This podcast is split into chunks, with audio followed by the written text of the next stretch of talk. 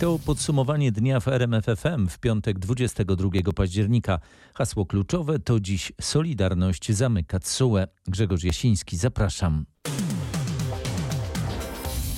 Przyszliśmy pokazać, że Turów jest, był i będzie. Jesteśmy dziś pokojowi, ale jak będzie trzeba, to zablokujemy całą Unię Europejską. Mówił podczas dzisiejszej manifestacji w Luksemburgu szef Solidarności w kopalni węgla brunatnego Turów Wojciech Ilnicki. Informacje o demonstracji, która zgromadziła w Luksemburgu około 2000 polskich związkowców, opublikowało biuro prasowe Śląsko-Dąbrowskiej Solidarności. Protest był manifestacją sprzeciwu wobec decyzji Trybunału Sprawiedliwości Unii Europejskiej nakazującej wstrzymanie wydobycia węgla w Turowie do czasu rozstrzygnięcia przez Trybunał polsko-czeskiego sporu w tej sprawie. W manifestacji wzięli udział liderzy Solidarności, m.in. przewodniczący Związku Piotr Duda oraz lider śląsko-dąbrowskich struktur Solidarności Dominik Kolosz. Zawsze byliśmy solidarni i dziś musimy być szczególnie solidarni z Turowem. Nie będziemy respektować nakazów i zakazów Trybunału Niesprawiedliwości, mówił Kolosz. Już przed manifestacją związkowcy zapowiedzieli, że w odpowiedzi na środek zabezpieczający wydany przez TSUE przygotują własne postanowienie zabezpieczające w postaci symbolicznej decyzji o zamknięciu TSUE. Takie właśnie postanowienie odczytał w Luksemburgu Piotr Duda. W informacji Solidarności na temat protestu w Luksemburgu podkreślono oburzenie związkowców faktem, iż na uczestników demonstracji czekały tam zasieki, drut kolczasty i policyjne wozy opancerzone. Demonstracja zakończyła się przed budynkiem ambasady czeskiej, gdzie demonstranci przekazali ambasadorowi petycję z apelem, by sąsiedzi rozwiązywali swoje problemy między sobą, a nie angażowali w to innych instytucji, które próbują konflikt międzysąsiedzki wykorzystać do realizacji nie polskich ani czeskich, ale własnych interesów. Na razie nie będzie powrotu do negocjacji z Czechami w sprawie Turowa. Do rozmów musi być partner.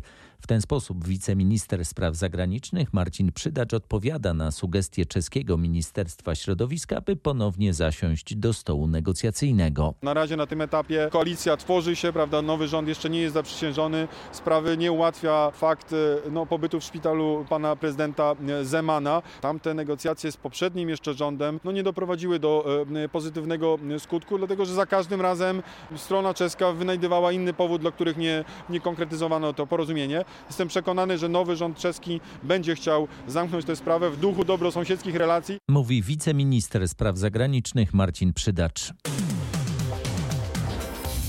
Wspomniałem, że Polska planuje kolejny etap reformy wymiaru sprawiedliwości, powiedział premier na szczycie Unii, odnosząc się do oczekiwań Komisji Europejskiej.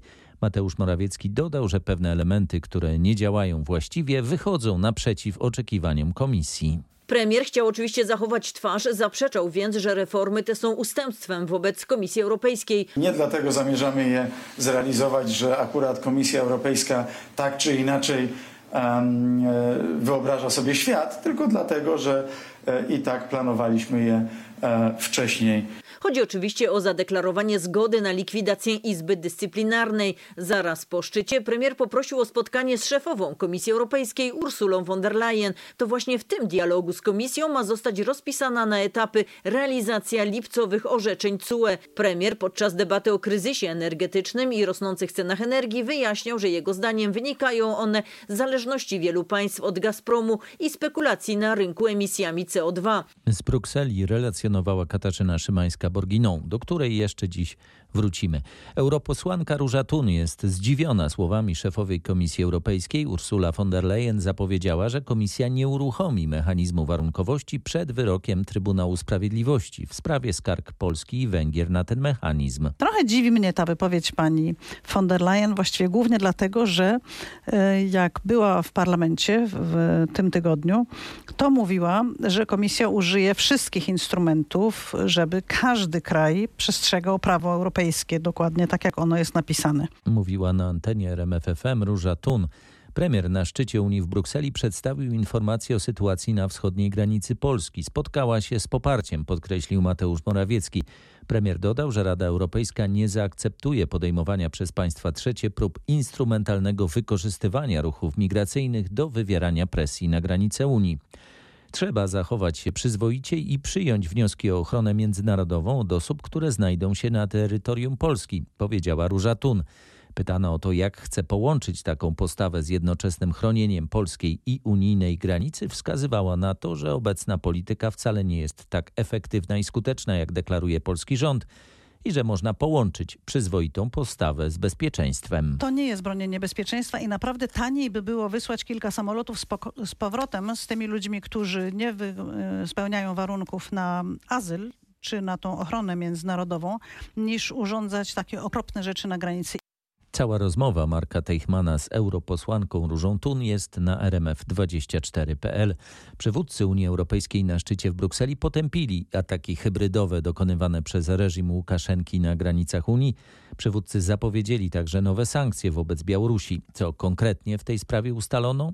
Unia nie akceptuje instrumentalizacji migrantów w celach politycznych przez kraje trzecie. Czytamy we wnioskach końcowych ze szczytu. Przywódcy wezwali Komisję Europejską do przygotowania zmian w unijnym prawie i przygotowania środków finansowych, aby odpowiedzieć na zaistniałą sytuację na granicach zewnętrznych Unii. Podkreślono jednak, że musi to być zgodne z unijnym prawem i prawami podstawowymi. Austria chciała natomiast wprost zapisu o tym, żeby finansować ze środków unijnych ogrodzenia na zewnętrznych granicach Unii. Szefowie państw i rządów zapowiedzieli również nowe sankcje wobec osób i firm. Chodzi o białoruskich oficjeli, którzy biorą udział w przerzucaniu migrantów na unijne granice, a także o firmy, na przykład linie lotnicze, które ułatwiają ten proceder. Raz jeszcze z Brukseli Katarzyna Szymańska-Borginą.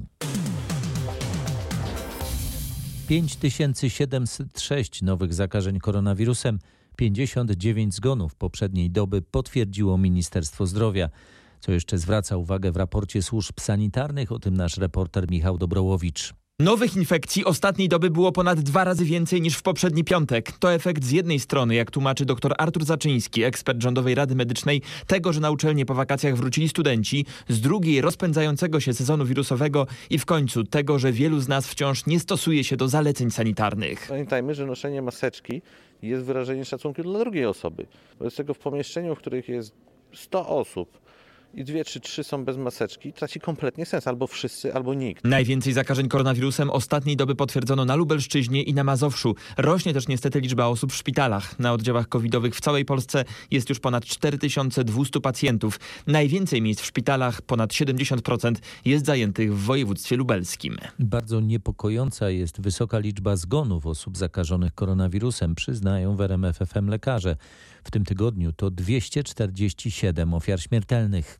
Tak wysoka liczba zgonów i ponad 200 pacjentów, którzy każdego dnia trafiają do szpitali, to efekt z jednej strony tego, że wiele osób unika testu w kierunku koronawirusa, nawet gdy mają objawy i jak wskazuje rzecznik Kolegium Lekarzy Rodzinnych, dr Michał Sutkowski, próbują przeczekać chorobę w domu i potem, niestety często w ciężkim stanie, trafiają do szpitala. To nie jest niebezpieczne, proszę Państwa, w Delcie, bo ona szczególnie szybko dotyczy ludzi młodych i może powodować szybko objawy. Lepiej wiedzieć, czy się ma COVID, niż nie wiedzieć. Według ostatnich danych Ministerstwa Zdrowia wśród wszystkich osób, które zmarły po zakażeniu koronawirusem od momentu podawania w Polsce drugiej dawki szczepionki, ponad 98% było niezaszczepionych przeciw COVID-19. Informuje Michał Dobrołowicz. W jednym z katowickich szpitali zajęte są już wszystkie 64 łóżka covidowe. Konieczna jest decyzja o uruchomieniu tam 20 kolejnych miejsc dla zakażonych koronawirusem.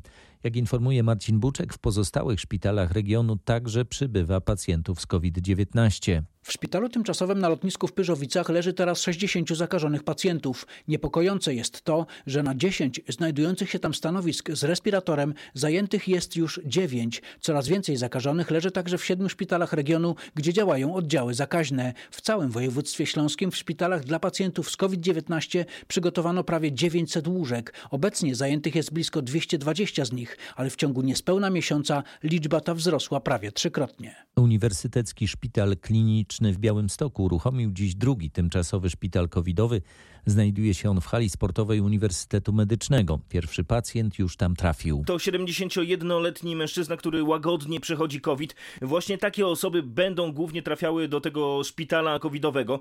Pacjenci w gorszym stanie zdrowia będą leczeni przy ulicy Żurawiej. Tam jednak na chwilę obecną znajdują się tylko dwa wolne łóżka covidowe i 13 respiratorowych. Dyrekcja szpitala podkreśla, że nie ma problemów z personelem.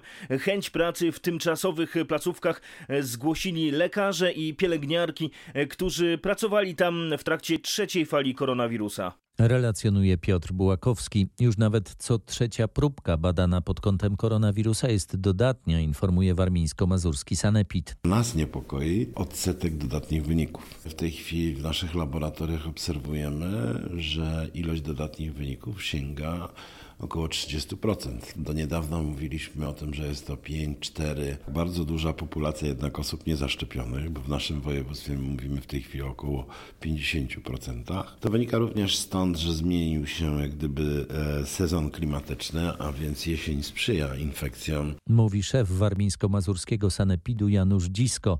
Jeszcze przez wiele tygodni najtrudniejsza sytuacja epidemiczna może być we wschodniej Polsce, przewidują w RMFFM lekarze.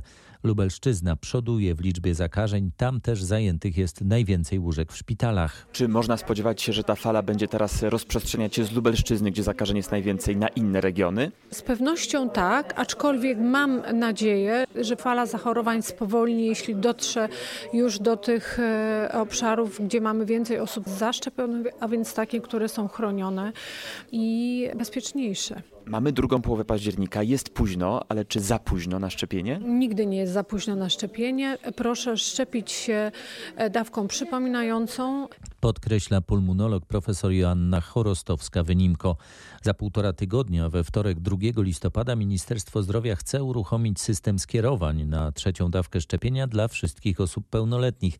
Jak ma to działać w praktyce? Skierowanie będzie wystawione dla wszystkich, którzy skończyli 18 lat, a od ich podstawowego szczepienia przeciw COVID minęło 6 miesięcy. Te decyzje chwalą już lekarze, zwłaszcza teraz, gdy w Polsce rozpędza się czwarta fala pandemii i nowych zakażeń z tygodnia na tydzień jest coraz więcej, podkreśla specjalista chorób płuc profesor Piotr Kuna. Absolutnie wskazana jest trzecia dawka. Mamy w tej chwili najnowsze dane z Izraela. Trzecia dawka daje praktycznie stuprocentową protekcję przeciwko hospitalizacji i zachorowaniu. Według aktualnego planu w ramach przypominającego szczepienia trzecią dawką w Polsce podawany będzie preparat mRNA, czyli firm Pfizer albo Moderna, niezależnie od tego, który typ szczepionki wykorzystywany był w ramach podstawowego szczepienia. Informuje dziennikarz RMFFM Michał Dobrołowicz. Rząd mówi nie wprowadzaniu nowych obostrzeń koronawirusowych, przynajmniej w najbliższych tygodniach. Ustalili to dziennikarze RMFFM.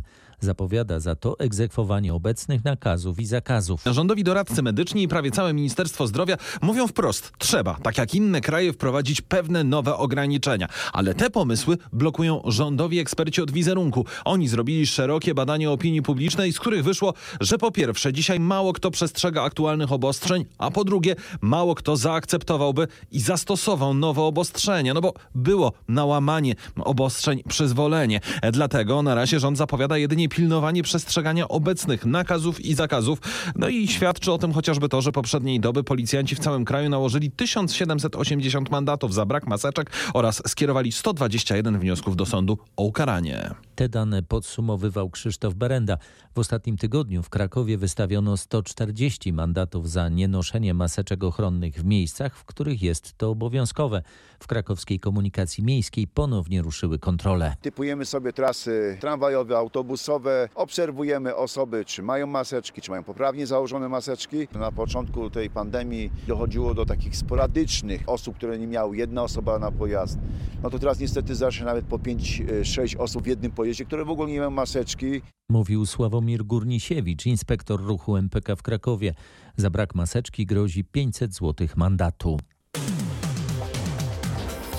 Rząd odpuszcza piratom drogowym. Nie będzie radykalnego podniesienia wysokości mandatów za przekroczenie prędkości o ponad 30 km na godzinę. Ministerstwo Infrastruktury chciałoby mandat za takie wykroczenie wynosił 1500 zł. Podczas prac w Sejmie na posiedzeniu podkomisji ten sam resort opowiedział się za obniżeniem tej stawki do 800 zł. Co się zmieniło? Oficjalnie ministerstwo wzięło pod uwagę głosy, że będzie zbyt duża różnica w karze za przekroczenie prędkości o 20 i o 30 km na godzinę. Do nas ten argument przemówił, tak? Faktycznie przekroczenie prędkości 29 km na godzinę groziłoby mandatem wynoszącym załóżmy 200 zł, a przekroczenie prędkości 31 km na godzinę groziłoby mandatem w wysokości 1500 zł. Tak tłumaczył to wiceminister Rafał Weber i uznał, że zamiast 1,5 tysiąca wystarczy 800 zł maksymalnego karalnego mandatu. Ta kara powinna być solidna. Jeżeli zostanie ustalona na granicy 800 zł, też będzie solidna. Posłowie zgodzili się też, by stawka ubezpieczenia OC była uzależniona od liczby punktów karnych. Wejście w życie nowych przepisów przesunięto też na początek przyszłego roku. Warszawa, Mariusz Piekarski. Sąd zdecydował o trzymiesięcznym areszcie dla prezesa spółdzielni mleczarskiej Bielmlek Tadeusza R. Były wiceminister rolnictwa i senator PiS zatrzymany przedwczoraj przez CBA jest podejrzany o wyrządzenie szkody swej spółdzielni w kwocie 80 milionów złotych. Areszt jest warunkowy. Zgadza się. Sąd zdecydował, że jeśli Tadeusz R. zapłaci kaucję w wysokości 200 tysięcy złotych, będzie mógł wyjść na wolność. Warszawska prokuratura regionalna zaskarży to rozstrzygnięcie. Jednocześnie złożyła już w sądzie sprzeciw wobec postanowienia, co oznacza, że były polityk zostanie za kratami do jego uprawomocnienia. Śledczy twierdzą, że sprawa niegospodarności w Bielmleku jest rozwojowa i przebywanie prezesa na wolności może grozić tym, że będzie utrudniał postępowanie. Dwaj byli członkowie zarządu zatrzymani razem z Tadeuszem R. nie trafią do aresztu, muszą zapłacić poręczenia w kwocie 300 tysięcy złotych. Orzeczono wobec nich także policyjny dozór. Informuje nasz reporter Krzysztof Zasada. Prokuratura w Koszalinie wszczęła śledztwo w sprawie zawalenia się wiaduktu na ulicy Monte Cassino.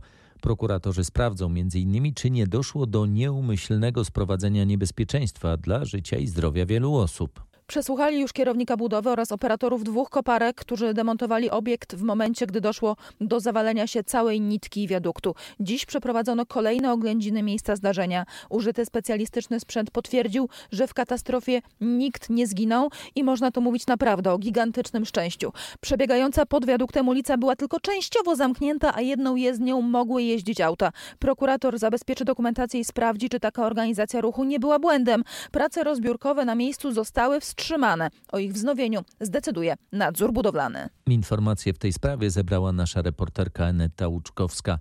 Zarzut narażenia dziecka na niebezpieczeństwo może usłyszeć kobieta, której córka błąkała się dziś rano w centrum Wrocławia. Jak się okazało, mama dziewczynki była pijana. Dziecko trafiło na badania do szpitala.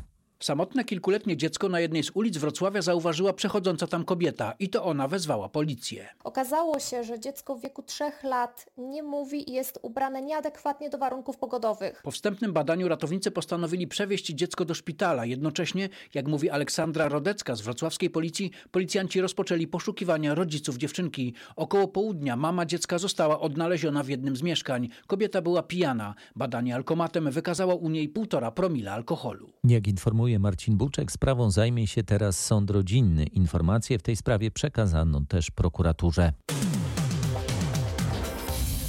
Kluby GoGo ostatecznie będą musiały zniknąć z centrum Krakowa. Naczelny Sąd Administracyjny przyznał Radzie Miasta rację w sprawie zakazu działalności takich klubów w ścisłym centrum Krakowa. Turyści czy z Polski, czy z zagranicy, którzy przyjeżdżali do Krakowa, no, zapamiętywali nasze miasto jako jedną wielką czerwoną latarnię. Ten zarzut, który podnosili właściciele tych klubów ze striptizem, no jednak sąd uznał, że ich zarzuty były chybione. Oni walczyli o to, że jest to ograniczenie działalności gospodarczej, natomiast no, sąd wykazał, że są pewne wartości wyższe niż wolność gospodarcza. No w tym kontekście ta moralność publiczna i miasto ma możliwość poprzez uchwałę o parku kulturowym zakazania takiego typu praktyk w konkretnych miejscach. Podkreślał wiceprzewodniczący Krakowskiej Rady Miasta Michał Drewnicki. Parkowanie w Warszawie najprawdopodobniej będzie znów droższe. Władze stolicy rozważają podniesienie od przyszłego roku opłat w strefie płatnego parkowania. Niemal przesądzone jest, że pierwsza godzina postoju zdrożeje z 3 zł 90 groszy na 4 zł 50 groszy.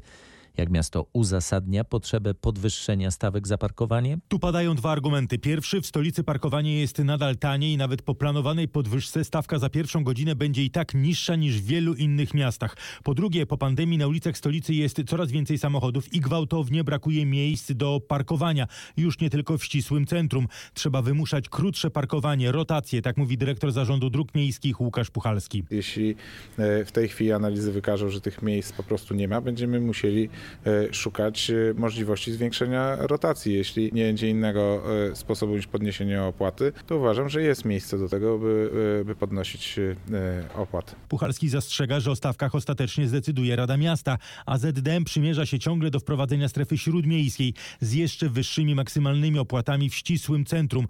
W tej sprawie trwają jednak analizy. Warszawa Mariusz Piekarski. Już w trzech warszawskich dzielnicach potwierdzono przypadki wścieklizny wśród zwierząt. Chodzi o Wawer, Wesołą i Targówek. Stołeczny ratusz zachęca właścicieli czworonogów do szczepień przeciwko wściekliźnie i przypomina jednocześnie o konieczności wyprowadzania psów na smyczy. Jak przestrzeganie tego obowiązku wygląda w praktyce? Jest taki obowiązek, że wszystkie psy muszą być na smyczy. Czy tak się dzieje rzeczywiście? Nie, nie wszystkie, nie wszystkie. Puszczają luzem. Za blokiem tu u nas e, w parku też to się zdarza. Niejednokrotnie się kłóciłam, więc wie pan, ale ludzie na to nie zwracają w ogóle uwagi. Są przepisy, żeby były i w kagańcach, i w wszystkim. Puszczają luzem. No. Widać e, jakieś dzikie zwierzęta tutaj może? W parku brudnowskim jak najbardziej. Jakie? Dziki. To może być źródło może tej wścieklizny. Y, może być, no bo śmieci są, tak, idą do jedzenia. Codziennie pełno kotów. Już od lat walczymy z tym, żeby się dzielnica zaopiekowała czy coś zrobiła. Te głosy mieszkańców Targówka zebrał nasz reporter Rafał Mirzejewski.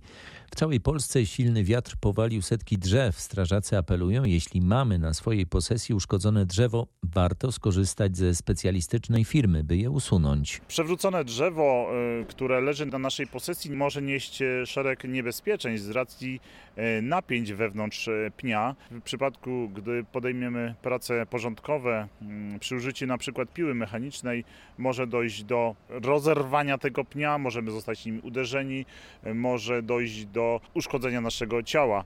Bardzo dobrym przykładem e, jest to, gdzie nawet strażacy w momencie podejmowania działań usuwających takie drzewa muszą bardzo uważać. E, ostatnio doszło nawet do wypadku z udziałem e, ratownika. Mówił młodszy brygadier Rafał Melnyk z Komendy Wojewódzkiej Państwowej Straży Pożarnej w Olsztynie. Piłkarz Maty Kasz stara się o potwierdzenie polskiego obywatelstwa. To niezbędne, by mógł zagrać w reprezentacji Polski. Jak ustalił nasz dziennikarz, zawodnik urodzony w Anglii, grający na co dzień w klubie Aston Villa, złożył już dokumenty do odpowiedniego urzędu w Polsce. Sprawą zajmuje się Paweł Pawłowski z redakcji sportowej RMFFM. W sprawie Kesha wszystko toczy się błyskawicznie. Wniosek, o którym mówisz, jak ustaliłem, Matty Cash wysłał już 4 października. Jest to wniosek o potwierdzenie obywatelstwa. Cash miał dołączyć do niego dokumenty potwierdzające jego polskie korzenie. Dziś jednak sprawy urzędowe schodzą na bok. O 21 Aston Villa, klub Matiego Kesha zagra mecz z Arsenalem. Na tym spotkaniu, jak usłyszałem w PZPN-ie, ma pojawić się Paulo Souza. Jutro natomiast selekcjoner ma spotkać się z piłkarzem i rozmawiać m.in. o etapie, na jakim są formalności w sprawie potwierdzenia polskiego obywatelstwa Matiego Kesha. Piłkarz ma polskie korzenie, jego mama Barbara to urodzona w Anglii Polka. Reprezentacja Polski koszykarzy ma zostać odmłodzona, deklaruje to nowy selekcjoner Igor Milicic, który musi przygotować kadrę do ruszających pod koniec listopada eliminacji Mistrzostw Świata. Pytanie, jaka będzie rola dotychczasowych gwiazd kadry, takich jak 37-letni Łukasz Koszarek czy jego rówieśnik Adam Chrycaniuk. Jeżeli będzie taka potrzeba awaryjna, żeby przystąpić do kadry narodowej, oni są chętni do tego. Jeszcze dajmy im trochę czas i jeżeli oficjalnie ogłoszą pożegnanie z kadrą narodową, na pewno tym zawodnikom się należy jakieś uhonorowanie Cała rozmowa z nowym selekcjonerem kadry jest do obejrzenia na rmf24.pl. Bardzo oryginalny polski poeta, prozaik i filmowiec Darek Fox był gościem Konrad Festiwalu, prestiżowej międzynarodowej imprezy kulturalnej w Krakowie. W rozmowie z Bogdanem Zalewskim autor Eurydyki opisuje, jaką twórczość szczególnie ceni. Lubię czytać teksty, które mnie zmuszają do takiej pracy która polega po prostu na takim trochę douczeniu się, że autor wykonał pewną pracę, coś mi zaszyfrował i jedną z takich przyjemności czytelnika czy widza jest takie odszyfrowanie, no, znalezienie znaczeń, na których autorowi zależało. I taki jest też cel, jaki Darek Fox stawia sobie samemu. Posłuchajcie całej rozmowy z pisarzem na rmf24.pl. Odpowiedzi na pytanie, jak w przyszłości będzie wyglądał Gdańsk, można poszukać na rozpoczynającym się w tym mieście festiwalu Narracje. Wyjątkowe instalacje i projekcje będzie można oglądać na terenie Dolnego Wrzeszcza. Zgodnie z prognozami NASA w 2080 roku część Gdańska zostanie zalana przez Bałtyk. Woda się wedrze w głąb lądu, no i zalenie te dzielnice przy, przymorskie. Stare Miasto znajdzie się pod wodą, no i część, część Wrzeszcza. No ale to są oczywiście tylko i wyłącznie jakieś spekulacje. To, co zaproponują artyści, te realizacje, te prace, nawiązuje do tego. Mówi kurator wystawy Piotr Sikora. W wielkopolskiej stolicy ruszyły targi Poznań Game Arena. To największe targi gier komputerowych w Europie Środkowo-Wschodniej. W dwóch halach można nie tylko zobaczyć najnowsze propozycje producentów gier, ale także na specjalnie przygotowanych stanowiskach wypróbować je w wirtualnej praktyce. Przede wszystkim gry najbardziej interesują zwiedzających. Są z nami m.in. znakomite tytuły od e, studia Ubisoft, tak jak e, Far Cry 6 czy Assassin's Creed Valhalla. Są również inne bardzo ciekawe stoiska, m.in. E, marki Trovo, która przywiozła ze sobą wielką ciężarówkę, w której zainstalowane są stoiska do gier oraz wielki ekran. Miłośnicy gier chyba bardzo czekali na te targi, prawda? My również bardzo czekaliśmy, nie mogliśmy się już doczekać. Powróciliśmy po rocznej przerwie. Można powiedzieć, że wracamy do gry dosłownie. Usłyszał od rzecznika targów Poznań Game Arena Mateusza Fafary nasz reporter Mateusz Chłystun. Mężczyzna, który wczoraj został pogryziony przez niedźwiedzia w Dolinie Chochołowskiej w Tatrach, świadomie zszedł z wyznaczonego szlaku i prawdopodobnie w dzikim terenie wszedł w drogę odpoczywającemu niedźwiedziowi. To ustalenia pracowników Tatrzańskiego Parku Narodowego. Jak mówi zastępca dyrektora TPN Filip Zięba, wczorajsze informacje dotyczące tego zdarzenia były w większości nieprawdziwe. Bo nieprawdą jest, że ta osoba robiła sobie zdjęcia z niedźwiedziem. Nieprawdą jest, że przebywa na szlaku turystycznym na spacerze. Nieprawdą jest, że w Dolinie Chochołowskiej prawie na szlaku siedzi niedźwiedź, rzecza bestia i poluje na ludzi. Więc z perspektywy niedźwiedzia to raczej było w drugą stronę. Atak człowieka na niedźwiedzia. Człowiek w miejscu, w którym się nie powinien znaleźć. Niedźwiedź jest zaskoczony, więc doszło do tej sytuacji już takiego bardzo bezpośredniego spotkania, w wyniku której ta osoba została pogryziona. Dyrektor TPN nie wyklucza, że mężczyzna zostanie ukarany za złamanie przepisów obowiązujących na terenie Parku Narodowego. Mamy dobre informacje dla tych, którzy chcą wybrać się w Tatry w najbliższy weekend. Po remoncie oraz wymianie łańcuchów i klamer ponownie otwarte są wszystkie szlaki w najwyższych partiach górskich. Które z nich można już zwiedzać, wyjaśni to Weronika Błaszkiewicz z punktu informacji turystycznej Tatrzańskiego Parku Narodowego. Zakończył się remont szlaków w rejonie Orlej Perci e, i te szlaki, które były remontowane, gdzie były wymieniane sztuczne ułatwienia, są już otwarte. E, był to szlak e, od Koziej Przełęczy przez Kozi Wierch do Żlebu Kulczyńskiego, szlak przez Żleb Kulczyńskiego oraz szlak prowadzący na Kozią Przełęcz z Doliny Pięciu Stawów. W niższych partiach Tatr z powodu remontu zamkniętych jest jeszcze kilka szlaków. Jest to szlak biegnący ścieżką nad reglami od Polany Kalatówki do skrzyżowania z Doliną Białego, szlak od Psiej Trawki do Równi Waksmunckiej i szlak e, Górą Kalatówek od schroniska do rozwidlenia na halę kondratową. Zła informacja jest taka, że pogoda nie będzie w weekend łaskawa dla turystów. W Tatrach ma być mroźno, może spaść śnieg. Tyle na dziś. Kolejne podsumowanie dnia w RMFFM już w poniedziałek wieczorem. Grzegorz Jasiński, dziękuję, dobrej nocy, miłego weekendu.